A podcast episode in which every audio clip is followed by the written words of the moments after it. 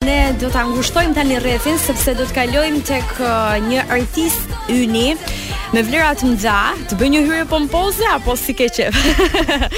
në fakt unë hyrjet pompoze t'i kam bërë gjithmonë prapa kuintave. Shumë më mirë është ta mbajmë thjesht.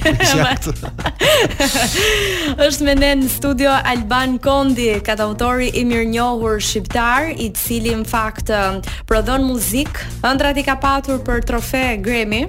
T'i po. linte mbi piano dhe fiti Çelentano, po megjithatë edhe për ato që ka prodhuar për shqiptarë dhe për vete nuk eh, nuk mbeten pas. Eh. Alban mirë se më vjen, se si më duket të thërras kështu me emrin tim. të gjeta mirë, faleminderit për ftesën dhe urime për çdo gjë që keni bërë. Po suportoni shumë muzikën shqiptare dhe Uroj që kjo të jetë uh, një rrugë që nuk do ta ndërprisni kurrë. Në rregull je. Okay. Vetëm mund të afrohesh pak. Okej, okay, se megjithatë timbrin e zërit nuk e ke keq. që të rrish edhe larg dëgjohesh. Uh, Alban, si ka shkuar kjo periudhë për ty? Të kemi parë në fakt uh, daljen tënde të fundit skenike të paktën në një projekt muzikor ka qenë dueti me Loren, artisten që ti edhe e menaxhon.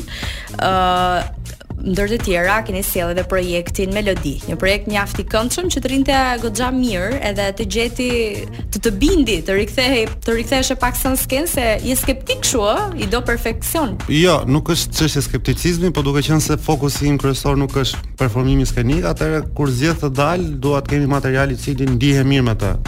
Edhe më shumë kjo qe një dalje për të lançuar Lorelën, duke mhm. qenë se ne po e suportojmë si studio dhe e kemi ë uh, si zbulim tonin. E keni marrë në patronazh me të thënë, jetën e vajzës. S'ka. Po. Ça do bëhet. Edhe ë qe një këngë që vinte ndryshe, vinte fresh, tingëllonte ndryshe, një ndjesi shumë pozitive dhe zgjodhëm që ta performonim në skenë. Qe eksperiencë shumë e bukur, ë të ndaje skenën me një artiste të një gjenerate tjetër ka atë sfidën e vet, ka atë satisfaksionin e vet dhe doli me sukses. Alban mos bëj tani sikur çfarë gjenerate i përket. jo, mi, dakor, po themi gjenerata. Po, patjetër. Besa ka. E ndërkohë në fakt zgjodhe që të bëheshe pjesë e një festivali. Pse i ke uh, kaq me numërim gishtash këto daljet, daljet edhe pse i ke lënë pas dore le të themi sepse ti e shikon që tregu ka atë egërsinë e vet dhe do që të të mbajë gjithë kohës ose ta mbash të updateuar. Ëh, uh, dëgjo, të merresh me art nuk do të thotë domos, domosdoshmërisht që ti duhet të jesh në skenë. Domethënë, me art mund të merresh edhe nëse ti i bie violinës, nëse i bie pianos, nëse je producent, edhe ato pozicionet janë të ndara. Ëh, uh, ne kemi pas një më përpara me grupin kemi pas shumë aktivitet skenik, gjë e cila mua sot nuk më josh më aq shumë skena, edhe hmm. kështu që zgjedh të dal atëherë kur bindem, jo se kam uh, në një gjë tjetër. Pse nuk të josh skena? Çfarë mendon që ka ndryshuar në tregun shqiptar që ty të ka bërë pak sa më të tërhequr nga kjo pjesë dhe të qëndrosh më shumë prapa kuintave, si do flasim dhe për materialet që krijon për këta që kanë më qejf të dalin, ë? Po, jo, nuk besoj se ka ndryshuar një gjë konkrete, thjesht Nuk e di, ajo është me të ndjerë, nuk është me të menduar. Në momentin që ti nuk e ndjen më aq të nevojshme të jesh në skenë për të performuar për për, për një audiencë të gjerë ose të ngushtë një çikë, E gjej më shumë veten në në studio, të prodhoj dhe ta ta ta mhm. hedh aty gjithë atë filozofinë time, mendimin tim, emocionin tim dhe shprehem si të thuash jam më më komod në këtë lloj në këtë lloj ë uh, dimensioni. Ëh, mm. uh, së fundmi ke prodhuar, uh, ke prodhuar mjaft, por ajo që na ra në sy, që është dhe më e freskëta, është 99 sfida nga Aurela Gaçe, uh, e cila dhe ditën e nesërme promovon albumin e saj. Uh, sa sfiduese ishte për ty të të sfidosh Aurelën në 99 sfidat e saj. Të sfidosh Aurelën. është sfidë, më beso, është sfidë shumë e fortë sepse Aurela ndryshe, domethënë me me nga gjithë eksperienca që kam unë ka një lloj uh, mm, si të thuash uh, kërkese që e do ashtu siç e do ajo. Në atë momentin që të vjen materiali, të vjen një inspirim, të vjen një spunto, edhe duhet ta përshtasësh ka Aurela, duhet të kesh shumë kujdes sepse duhet ta çosh në karakter të Aurelës. Mhm. Sepse mm -hmm. Aurela ka atë grintën e vet, mendimin e vet, forcën e vet dhe ti gjithmonë duhet që atë gjënë t'ia përshtasësh në më të mirën e vet. E kuptoj, është tip që nuk bën kompromise. Është besnike e emocionit të vet. Mhm. Kompromiset mm Nuk e di. Me sa njoh unë jo. Meqë, meqë jemi te kompromiset, të jesh uh, prodhues i muzikës, uh, edhe kantautor, edhe producent, edhe të merresh me të gjitha këto, është më e vështira, pjesa më e vështirë, sepse mbi, mbi supet e tua qëndron edhe fakti që sa do të jetë i mirë ky tekst, sa do të pëlqehet, ose vija melodike të tjerë. Ti, uh, ka njerëz që i kthen nga studioja, kur trokasin në derë, Gjëra që nuk i bën për shembull ose artistë për të cilët nuk do të shkruaje? Po sigurisht, jo se i kthej, po ideja është nuk mund të shkruash për çdo lloj kërkese që të vjen dhe nuk mund të merresh dhe të kompozosh për çdo këngëtar. Sepse ë uh, si ta them, ka artistë që nuk i përkasin rrymës, gustove, edhe normalisht nuk i përshtatesh çdo dhe ti thua më mirë s'po i hyj kësaj rruge, sesa t'i hyj një rruge me të cilën nuk e di ku ku, ku do dalë ky lloj materiali. Do të thënë nuk mund të kesh për si të thuash përshtatshmëri artistike, jo për arsye të tjera. Vetëm nga përshtatshmëria artistike, po për shembull për njerëz që nuk të pëlqejnë.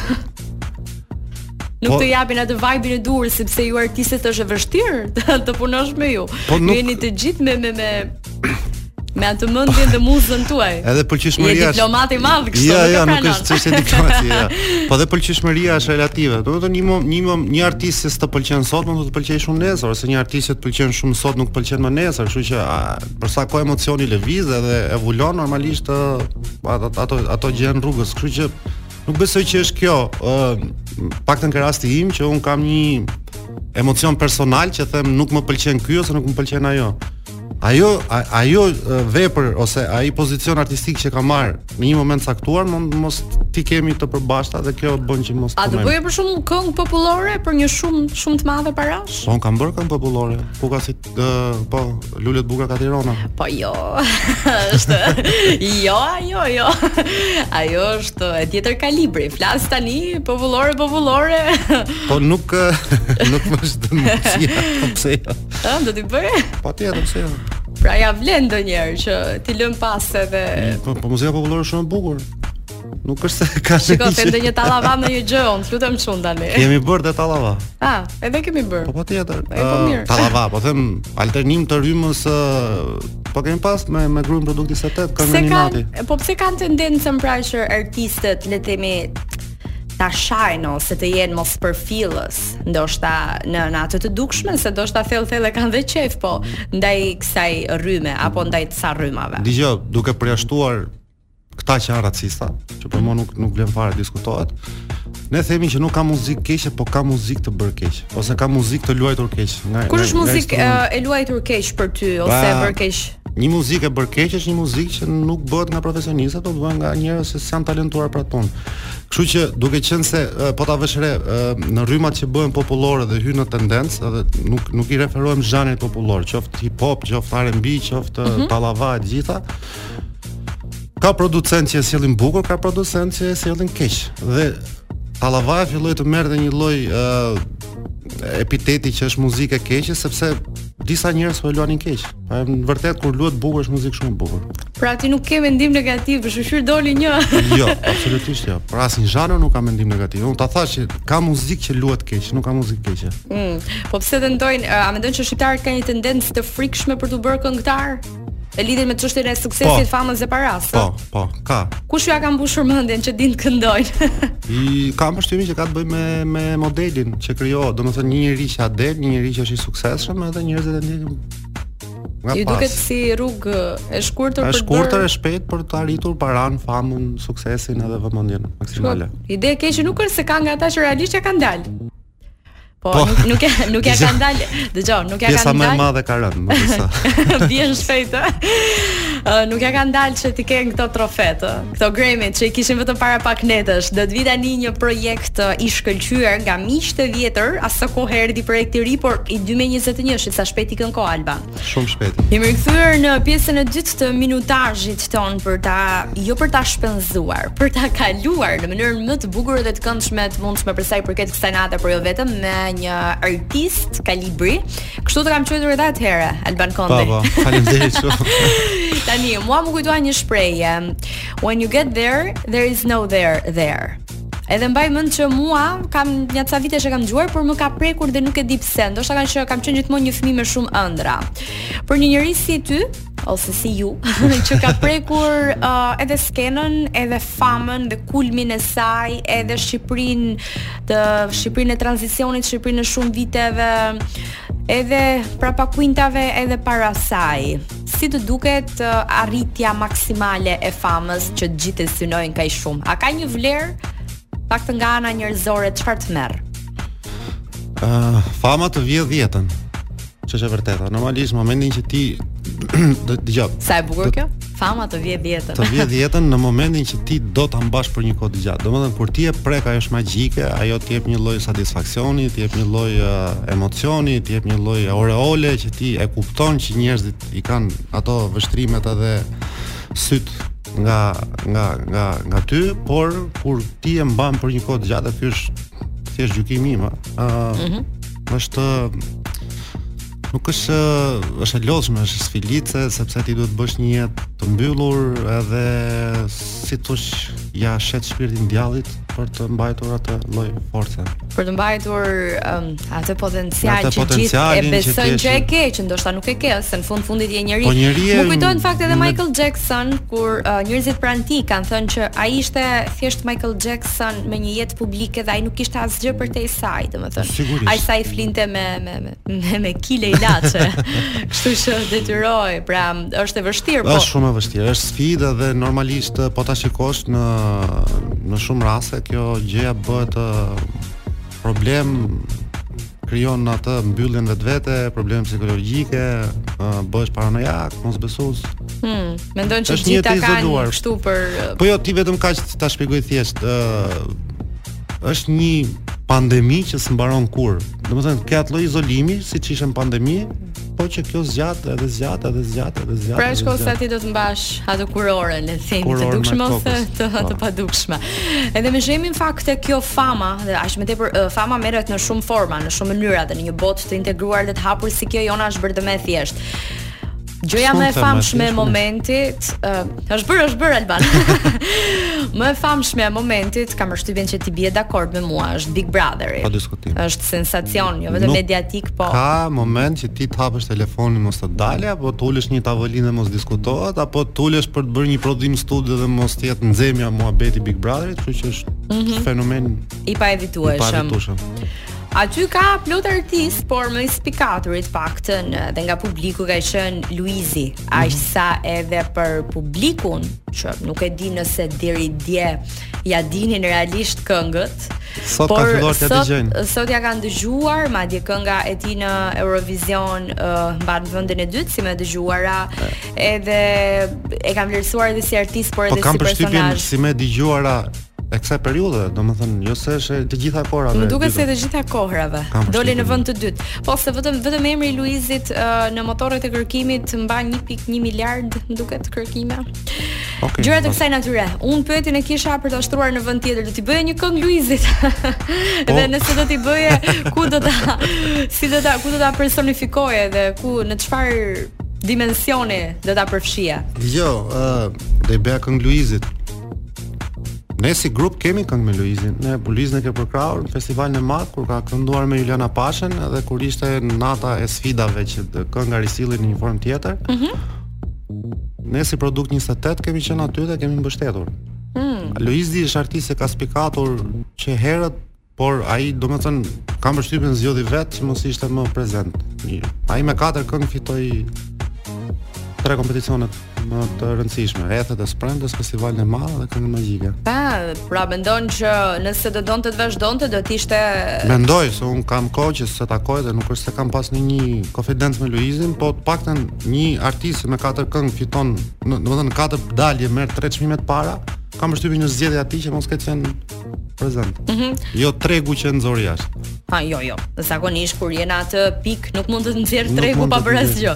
Po, për shembull në një pikë të tillë, nëse do të vinte tani mundësia që t'ia bëje një këngë, çfarë do t'i bëje? Çfarë mendon që do t'i qëndronte Edhe me tregun që ka ndryshuar dhe ai si artist, por edhe me famën se do dhe publiku diçka tani. Ça mund t'i bëja un? Çfarë mendon që mund t'i shkonte Luizit?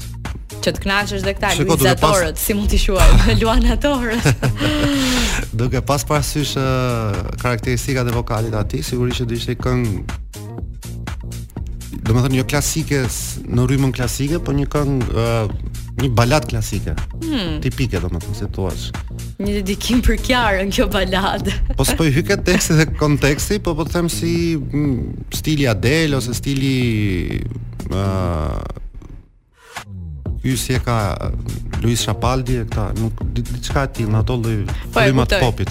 Ah, interesante në fakt. Kam përshtypjen që Luizit do i përshtatet. Megjithatë ne nuk e dimë që sa ai do të vazhdojë përfshirjen e tij në muzikë kur të dalë, po e ndërkohë meqë ishim tek tek Big Brotheri. Ë uh, tërheqja jote nga fama për gjithë arsyet uh, që përmende pak më parë. Do të të bënte që të të mbushej mendja në një moment nëse do kishe një ftesë ose do kishe patur ose e ke patur ftesë nga Big Brotheri për t'u bërë pjesë? Uh, në këtë fazë të jetës ta them drejtën nuk më josh. E di pse sepse nuk nuk nuk e mendoj jetën time që të të rri aq distant nga djali për një kohë kaq gjatë. Domethënë them se kam të pamundur ta përballoj një izolim të tillë. Mm -hmm. Plus dhe si natyrë Mua më pëlqen të jetoj i lirë në sensin të dal.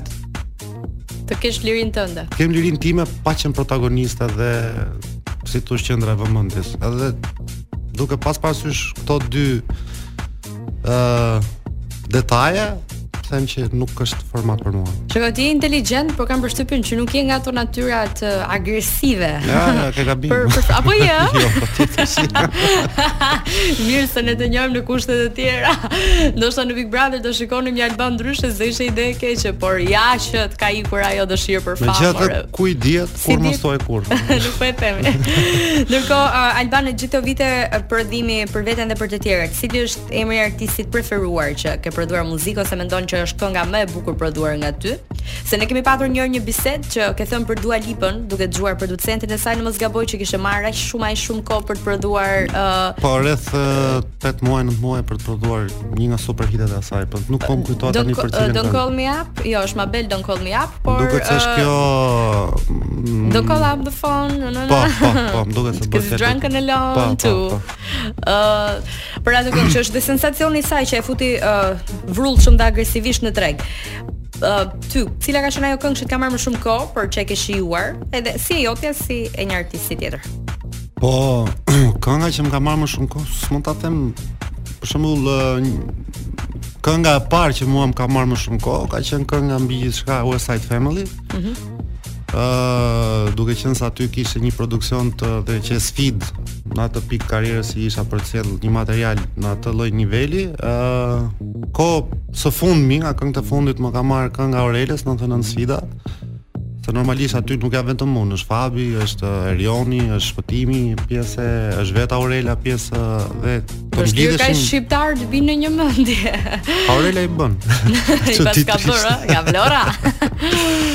Edhe zgjati në kohë, duke qenë se qe edhe këngë motivuese dhe ti duhet të ishe shumë preciz në formën se domethënë nuk qe një këngë që ti mund ta bësh freestyle, po ti duhet të hedhësh mendim në të dhe ta ta ta ta të ketë elaborim. Ta lësh t'i kthehesh t'i kthehesh dhe t'i kthehesh. E besoj, besoj se na dukesh aq freestyle kështu, easy, easy freezy.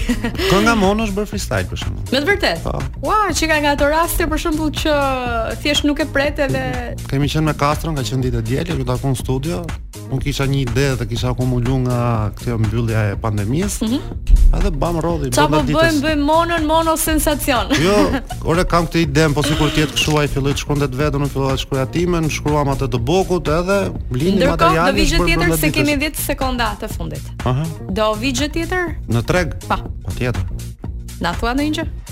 Po kënga e radhës është, do të thënë personale nuk e kam caktuar, po kënga e radhës që do dalë është këngë e West Side-ve, edhe mm -hmm. është tjetër ajër edhe do vijnë në një formë që nuk kanë ardhur më përpara. Opa, do i mirëpresim dhe Westside. Alban Kondi, të falënderoj shumë për bisedën e bukur do të vijë një uh, bashkimi i forcave të tua dhe të Lore, të Lore Melodi.